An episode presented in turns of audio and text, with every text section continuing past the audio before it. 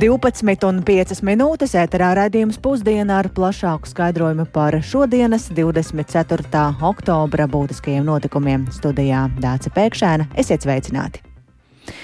Uz ārējās sauszemes robežas ne tikai žoks, bet arī viedās uzraudzības tehnoloģijas. Šādus plānus pātrināt cer ar likuma izmaiņām. Savukārt uzstādīt viedās tehnoloģijas uz robežas ar Krieviju un Baltkrieviju plāno līdz 2026. gada vidum. Vienlaikus ir arī konkretizēts plāns par žoga izbūvi uz Baltkrieviju un Krieviju līdz ar nākamā gada beigām, un par šīm lietām vairāk ir gatavs stāstīt kolēģis Jānis Kīncis, kurš šobrīd pievienojas studijās. Veiks Jāni! Sveicināti! Jā, valdības deklarācijā ierakstītais viens no konkrētajiem datumiem bija par žoga pabeigšanu uz Krievijas un Baltkrievijas robežas līdz 2024. gada beigām. Un, Šis, skait, šis eh, termiņš tiek tiešām arī šobrīd precizēts un noteikts arī darbos, bet bez žoga un patruļu takām nepieciešama arī papildu tehniskā infrastruktūra, kā optiskie kabeļi, datu pārraide, elektroapgāde, video novērošana, signalizācija. Un lai tur, kur šo eh, risinājumu nav, šo aprīkojumu varētu paredzēts ieviest ātrāk, un to tātad plāno noteikti ar likuma izmaiņām, lai šīs procedūras padarītu vieglākas. To Saimnes aizsardzības iekšlietu un korupcijas novēršanas komisijas sēdē raksturoja iekšlietu ministrijas valsts sekretāra vietniece Ingūna Aire. Likuma projekts paredz pienākumu saskaņot ar nekustamā īpašuma īpašnieku jauna energoapgādes objekta vai elektronisko sakaru tīkla un tā infrastruktūras nosacījums, aizstāt šo pienākumu saskaņot ar nekustamā īpašuma īpašnieka informēšanu. Ja ārējās robežas infrastruktūras, tā skaitā tehnoloģiskās infrastruktūras būvdarbu laikā būvniecības procesa dalībnieki vienojas par izmaiņām būvprojektā, tad ir tiesības neapturēt būvdarbus uh, uz šo izmaiņu izstrādes periodu. Bet uh, šis būvprojekta izmaiņu izstrāde un apstiprināšana ir jāpabeidz līdz būvis nodošanai eksploatācijā. Tātad ar šīm likuma izmaiņām paredzēts novērst dažādus birokrātiskus šķēršļus robežas infrastruktūras izbūvē. Un, uh, Skaidrs, ka to pātrināt, jo īpaši prasa izvērstais Baltkrievijas hibrīda karš ar migrantu grupu virzīšanu uz valsts robežu. Tātad precizētais žoga izbūves laiks ir līdz 2024. gada beigām. Tas par tehnoloģijām, bet cik daudz žoga vēl nav izbūvēts? Uzņēmums valsts nekustamā īpašuma atklāja, ka pašlaik uz robežas ar Krieviju ir izbūvēti 99 km žoga, bet vēl jāizbūvē ap 180 km žoga. Ap 20 km trūkstošā žoga posma izbūvē iesaistīs arī Nacionālos bruņotos spēkus. Savukārt robeža ar Baltkrieviju ir kopumā 173 km gara un līdz šā gada beigām jāizbūvē 112 km. Šobrīd ir paveikti ap 90 km no šī posma. Tātad līdz gada beigām vēl 22 km žoga, bet nākamgad vēl 30 km. Tad šie darbi uz, ro uz robežas ar Baltkrieviju būs pabeigti. Savukārt šo pieminēto uzraudzības tehnoloģisko risinājumu izbūve ir valsts, Latvijas valsts radio un televīzijas centra kompetencē, un šos darbus uz robežas ar Krieviju un Baltkrieviju plānots īstenot līdz 2026. gada vidum, un plānotās likuma izmaiņas iekšlietu ministrija lūdzu saimu skatīt pātrinātā kārtībā, un tad, tad eh, faktiski jau novembrī tām vajadzētu būt pieņemtām galīgajā lasījumā. Paldies Jānim Kīncim par šo skaidrojumu.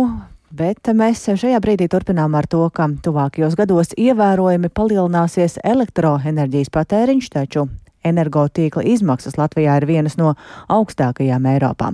Līdz ar to ir jāmeklē sabalansēti risinājumi pārējai uz zaļāku enerģijas portfeli. Tā šorīt redzījumā labrīt kolēģiem Elīnai Balskarai un Kristapam Feldmanim sacīja Saimas vides, klimata un enerģētikas apakškomisijas vadītājs Andris Kulbergs no apvienotā saraksta. Atgādinot, ka Latvijai šobrīd tādas ilgtermiņa st enerģētikas stratēģijas nav, un tādēļ maijā politiķi jau vienojās, ka tāda ir vajadzīga, parakstot attiecīgu sadarbības memorandu.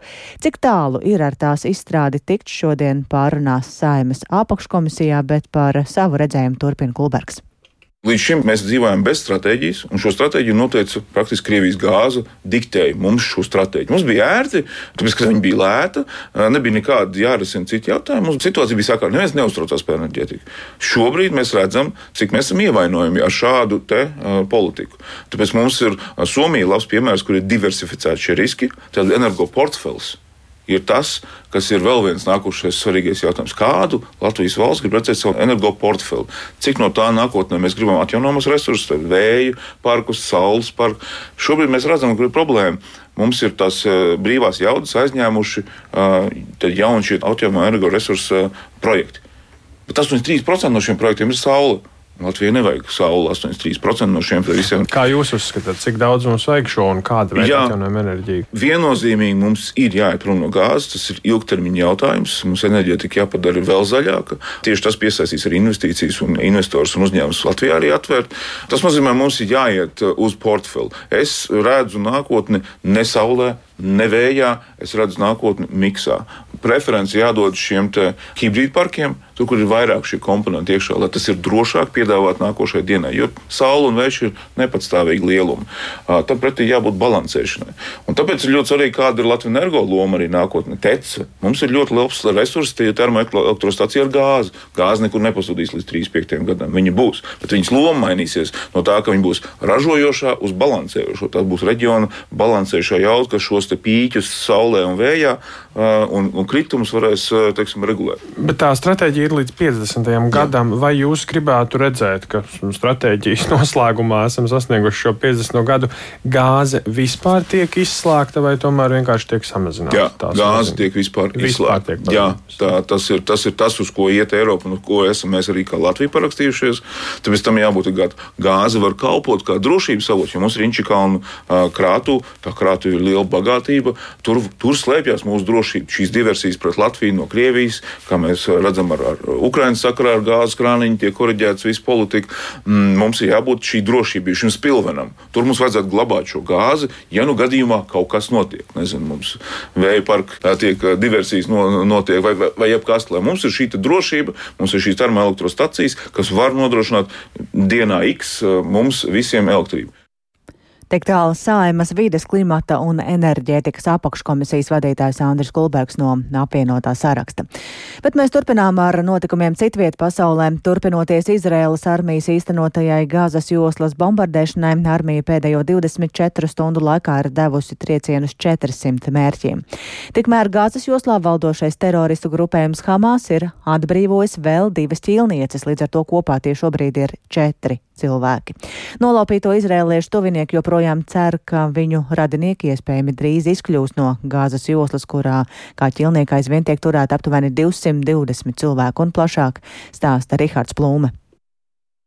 Izraēlas armija vēsta, ka triecienos, kas pēdējo 24 stundu laikā īstenoti Gazas joslā, trāpīts grupējuma Hamas teroristiem, kas gatavojušies šaut raķetes pret Izraēlu.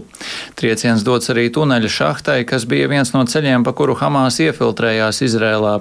Tāpat triecienu laikā cietuši komandu centri, kurus izmantoja operatīvie darbinieki, un mošajās izvietotais bruņojums.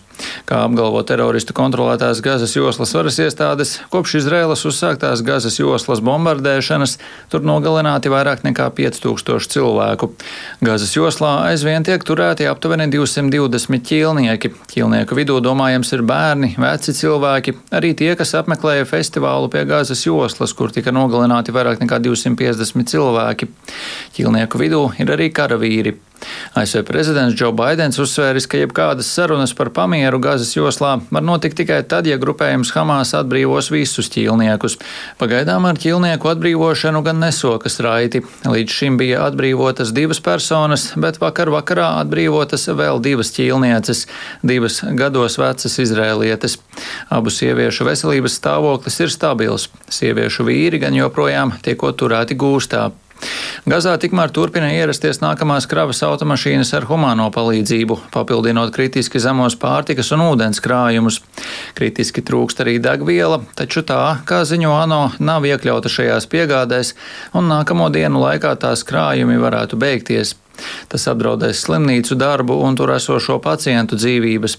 Palīdzības nozīmi skaidro Avrila Benoā, ārsti bez robežām izpildirektore ASV.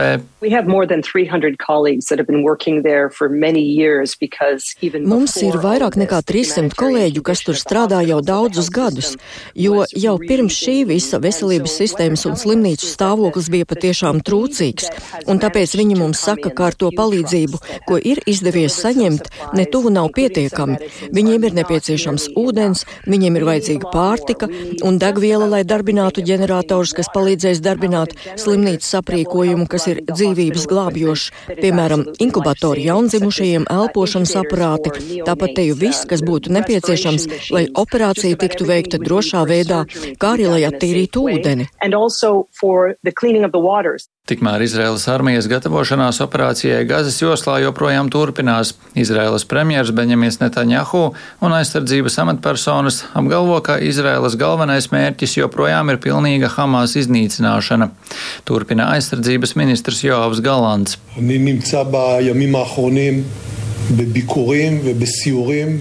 Pēdējās dienās esmu bijis vizītēs un pārbaudēs visā valstī.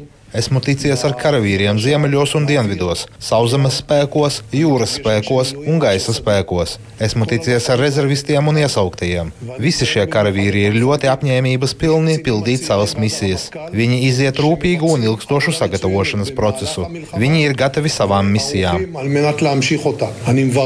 Izrēlā šorīt ieradies Francijas prezidents Emmanuels Makrons. Paredzams, ka viņš paudīs solidaritāti Izrēlai, aicinās saudzēt civiliedzīvotājus Gazas joslā un aicinās vienoties par humāno pamieru. Izrēlu jau apmeklējuši arī ASV, Vācijas, Itālijas un Lielbritānijas līderi. Rihards Plūme, Latvijas radio.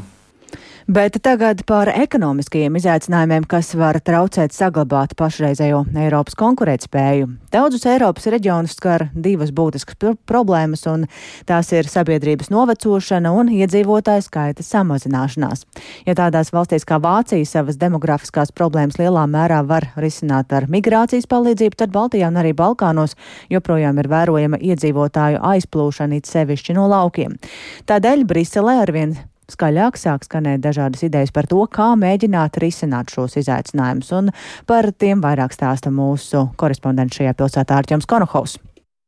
Ne tikai Latvijā, bet arī citvietā Eiropā notiek būtiskas demografiskas pārmaiņas. Sabiedrība noveco, darba spējīga vecuma iedzīvotāju skaits sarūk.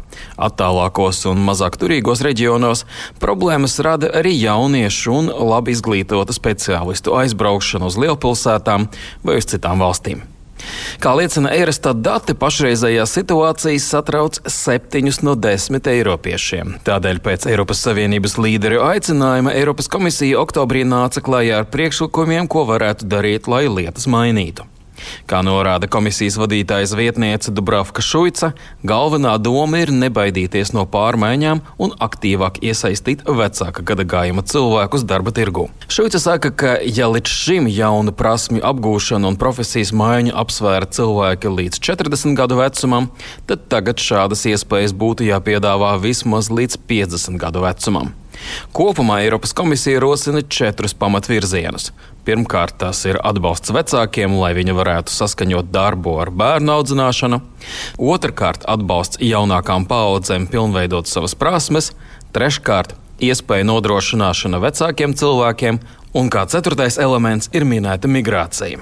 Komisārs Šuica sacīja, ka pērn Eiropas Savienībā legāli uz dzīvi ir pārcēlušies 3,7 miljonu cilvēku, Savukārt nelegāli robežu šķērsoja krietni mazāks cilvēku skaits - ap 330 tūkstošiem cilvēku. Nekas no piedāvātajiem risinājumiem nav nec pilnīgs jaunums, nec brīnuma nūjiņa. Turklāt situāciju sarežģītāku padara tas, ka aina ļoti atšķiras. For example, Piemēram, Nīderlandē mājokļu pieejamība un iedzīvotāju blīvā apdzīvotība ir lielākais izaicinājums.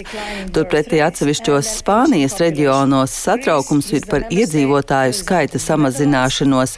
Itālijā galvenais izaicinājums ir dzimstības rādītāju samazināšanās un sabiedrības novecošana. Grieķijas sabiedrība noveco visstraujāk no visām Eiropas Savienības valstīm. Savukārt Horvātija Horvātijā problēmas rada smadzeņu aizplūšana jaunu iedzīvotāju vidū. Viens no Eiropas Savienības galvenajiem rīkiem šajā jomā ir kohēzijas fondu nauda. Šie līdzekļi lielā mērā ir domāti reģionālajai attīstībai, lai izlīdzinātu atšķirības starp dažādām vietām. Par kohēziju un reformām atbildīgā komisāra Elīza Ferreira saka, ka dažas valstis visu attīstībai domāto naudu koncentrē lielpilsētās jo šāda cer konkurēt starptautiski. Bet tādām pilsētām rodas grūtības. Viņi joprojām saskaras ar nabadzību atsevišķās vietās pilsētas centrā, ar aglomerāciju viņiem apkārt un satiksmi, ko tā rada, ar piesārņojumu, kas veidojas, un ar šausmīgu dzīves kvalitāti cilvēkiem, kuri bija spiesti pamest savu dzimto pusi. Tas rada dažādas drošības problēmas, nabadzību, vilšanos un bieži vien arī politiskās problēmas. Komisāra Ferreira saka, ka šobrīd valstīm ir daudz finanšu rīku, ko var izmantot reģionu attīstībai, cilvēki gribētu tajos dzīvot un audzināt bērnus. Bet politiķiem un ierēģiem bieži vien svarīgākais ir mainīt domāšanu. Arcums Kalnahos Latvijas Rādio Briselē. Savukārt pašmājās sašutumu ir radījuši ceļi. Grāns ceļa posms Bauska valle Jaunjālgava, kas ir daļa no tā devētās zemgales jostas un kas savieno Dobēlē ar aizkraukli, pēc rudens Lietavām ir kritiskā stāvoklī. Uz to nesen vērs uzmanību laikraksts Bauskas dzīve un pārliecināties par šī brīža situāciju vallē uz Lietuvas pierobežu devās pētīt arī kolēģi Ieva Puķa, vienlaikus arī painteresējoties par to, kāda tad vispār kopumā ir rudens situācija ar ceļiem Latvijā. Latvijā. Labdien, Ieva, šobrīd tu esi tomēr tikus līdz studijai, bet tu biji arī Vallē. Kāda ir tā situācija tur uz vietas? Tiešām tik kritiski ir? Jā, labdien, Dārts! labdien, radio klausītāji! Patiesībā Vallē mūs sagaidīja pārsteigums. Pēc pagājušās nedēļas Baus, publikācijas laikrakstā Bauskas dzīve šeit bija ieradušies Latvijas valsts ceļu tehniskie darbinieki un veikuši tā dēvēto planēšanu, jeb ceļa izlīdzināšanu gan posmā Vāle Jaunjelgava, gan arī Vāle Bārbele.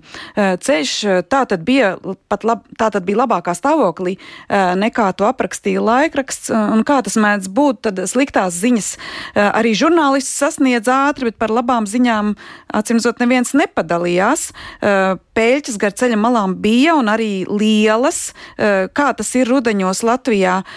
Un mēs arī pamanījām, ka Piemēram, tas ir vietā, kur ir nesen veikta meža izstrāde, tā tad vainojama meža tehnika, taču starp pērķiem bija arī cietas ceļa seguma joslas, kur ar auto var izbraukt. Nu, faktiski nekur nebija tāds stāvoklis, ka, ka ir jābrauc cauri lielai peļķei, um, bet tā tas nesot vienmēr, un vislabāk ceļu kvalitāti ilgtermiņā var raksturot operatīvo dienas darbinieki. Tāpēc es uzrunāju Latvijas pasta pasnieci Sarmīti no vecumnieku pasta nodaļas, uh, ko sastapa veidzot savus ikdienas pienākumus pienākums uh, nedaudz aiz valles uz bārbeles pusi klausīties, ko stāsta Sarmīte. Šis posms ir briesmīgs. Jā, un nu, Valle, bārbele. Nu, ļoti slikti. Es pat izteikt nevaru. Kad bija jābrauc ar privāto mašīnu, tas bija ļoti sāpīgi. Bija arī tāda situācija, kad pretī brauca mašīnas, neaprēķināja, kad ir ūdens un ka tur dziļa bedra un kā iesitu, tā man radiators atdalījās. Kad? Nesen? Nu, uz tā valsts ceļa, nu, pavasarī laikam. Pastu vadājāt ar savu? Jā, bija tāds laiks, jā. Es, kad braucu pa tiem neizbraucamiem dubļainiem ceļiem, man tāda sajūta, ka tie, kas sēž augšā kabinetos, viņi vispār pat nezina nemaz to situāciju. Viņi pat, es domāju, ar savām mašīnām viņi noteikti tur negrib braukt. Eh, Sarmīte tagad jau vairākus mēnešus ir darba automašīna, eh, un viņa arī atzina, ka pat laban, nu, tas bija vakar pēcpusdienā, Grāns ceļa pa valli eh, ir salīdzinoši sakārtoti, bet ja atsāksies lietavs, ko mēs arī šodien redzam aiz loga, situācija varot mainīties pat vienas dienas laikā. Un viņas vārdus apstiprināja arī akcijas sabiedrības Nordeka Bauskas filiāls vadītājs Inns Nolbergs, kā vēsta uzraksti uz autobusu pieturām maršrutā aizkraukle Jēkapils, Nordekas autobus joprojām kursē gan starp Valli un Bārbeli, gan ved arī pasažierus no Valles tālāk uz Jaunielgavu. Nolbergs uzsvēra, ka Valles puses ceļu sliktā kvalitāte Zemgals reģionā nesot nekāds izņēmums. Klausieties! Nu, ir vairums tādu ceļu, nav jau tā, ka tur, teiksim, viens vai divi, nu tagad, teiksim, skaistkalns ceļš ir sakārtots, kas ir daudz maz uzlikt ar to asfaltu, viņš šor bija drausmīgs, ja. Tās bedres jau ir tādas, nu labi atbraucams jau viņas viss ir, ja, bet piemēram, es pats ar savu mašīnu pa šiem ceļiem lauku necenšos braukt. Kaut gan autobus tur iet, jā, un ja jūs sakat, viņš ir izbraucams, nu, es neuzskatu, ka tas ceļš būtu, godīgi teikt, vai labs, jā. Nu, tā kā es savu mašīnu, protams, pa turien nedzenu. Ja man jābrauc uz vecumniekiem vai kur, es cenšos apbraukt. Jā, nu, atbildība uzturēt ceļus kārtībā ir Latvijas valsts ceļiem. Kā ir ar grants ceļiem, ko viņi saka? Tiešām tā kritiskākā situācija šobrīd ir pie robežā Lietuvas?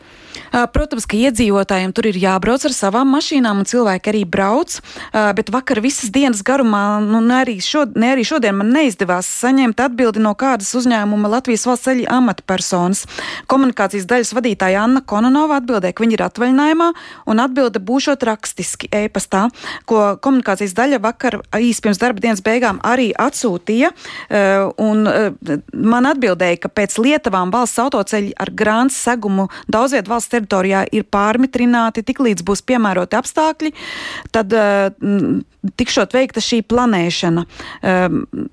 Un pat labam Latvijas valsts ceļu pārvaldībā ir vairāk nekā 20 tūkstoši kilometri šādu autoceļu, no kuriem puse ir ar grāns segumu, nedaudz vairāk nekā puse.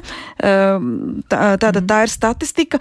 Ehm, man tika arī atsūtīts saraksts ar, ar prioritāri labojamiem ceļiem, ehm, un, un Vallē uzzināja, ka cīņa par Jā. ceļa labošanu notiek jau no 90. gadiem. Par to vairāk dzirdēsiet pēcpusdienas Jā, izlaidumā. Tad to visu tavā ierakstā gaidīsim uh, apkopojumu raidījumā pēcpusdienā, bet um, vēl kāds temats, kas savukārt sociālajos tīklos ir raisījis plašas diskusijas, ir par kādu Rīgas domas vicemēra Edvarda Ratnieka no Nacionālās apvienības vēlmi ieviest jaunu tradīciju Lāčplēšdienā, aicinot iedzīvotājs nolikt svecītas arī uzvaras parkā, un tādējādi šī vieta viņa prāt atgūtu savu vēsturisko nozīmi uzvarai pāri bermantiešiem. Ko par to saka vēsturnieki, sociālās psiholoģijas? Psiholoģijas eksperts. To ir izzinājusi kolēģis Intijām Bote. Viņa šobrīd līdzās studijā. Sveiki, Sinti, un saki, ar ko tad tu esi aprunājusies un ko saka eksperti? Mm, sveiki, Dārts, sveicināti radio klausītāji!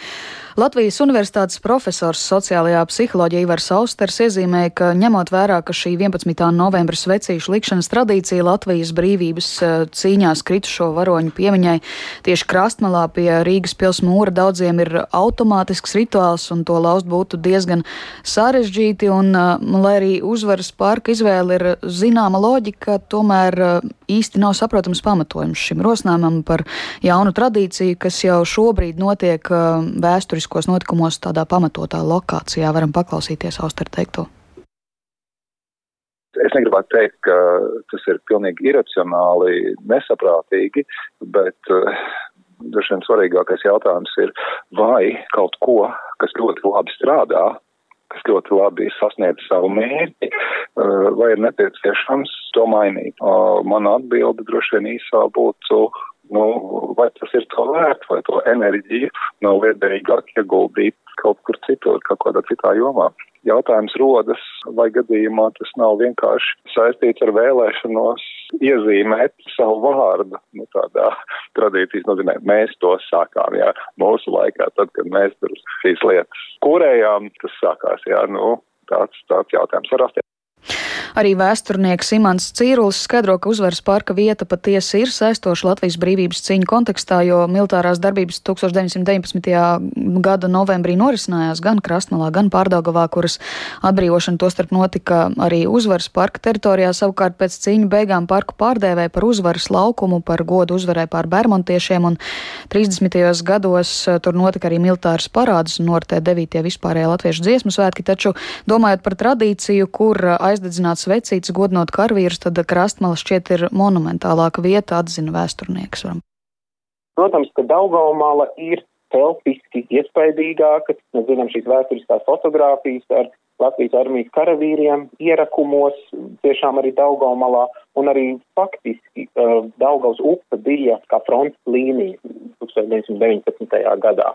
Nu, arī, arī tā tradīcija ir pietiekami jau ilgi iesakņojusies, jau vismaz 35 gadi uh, ir pagājuši kopš uh, nu, pirmās vecīšu aizdedzināšanas Daugaumalā, bet par uzvaras parku domājot, teorētiski nu, no neatkarības kara faktu viedokļa tas būtu pamatoti. Nu, manuprāt, tam tomēr būtu jāiet roku rokā ar nu, diezgan plašu skaidrojošo darbu, roku rokā Rīgas pašvaldībai sadarbojoties nu, ar, ar, ar sabiedrību.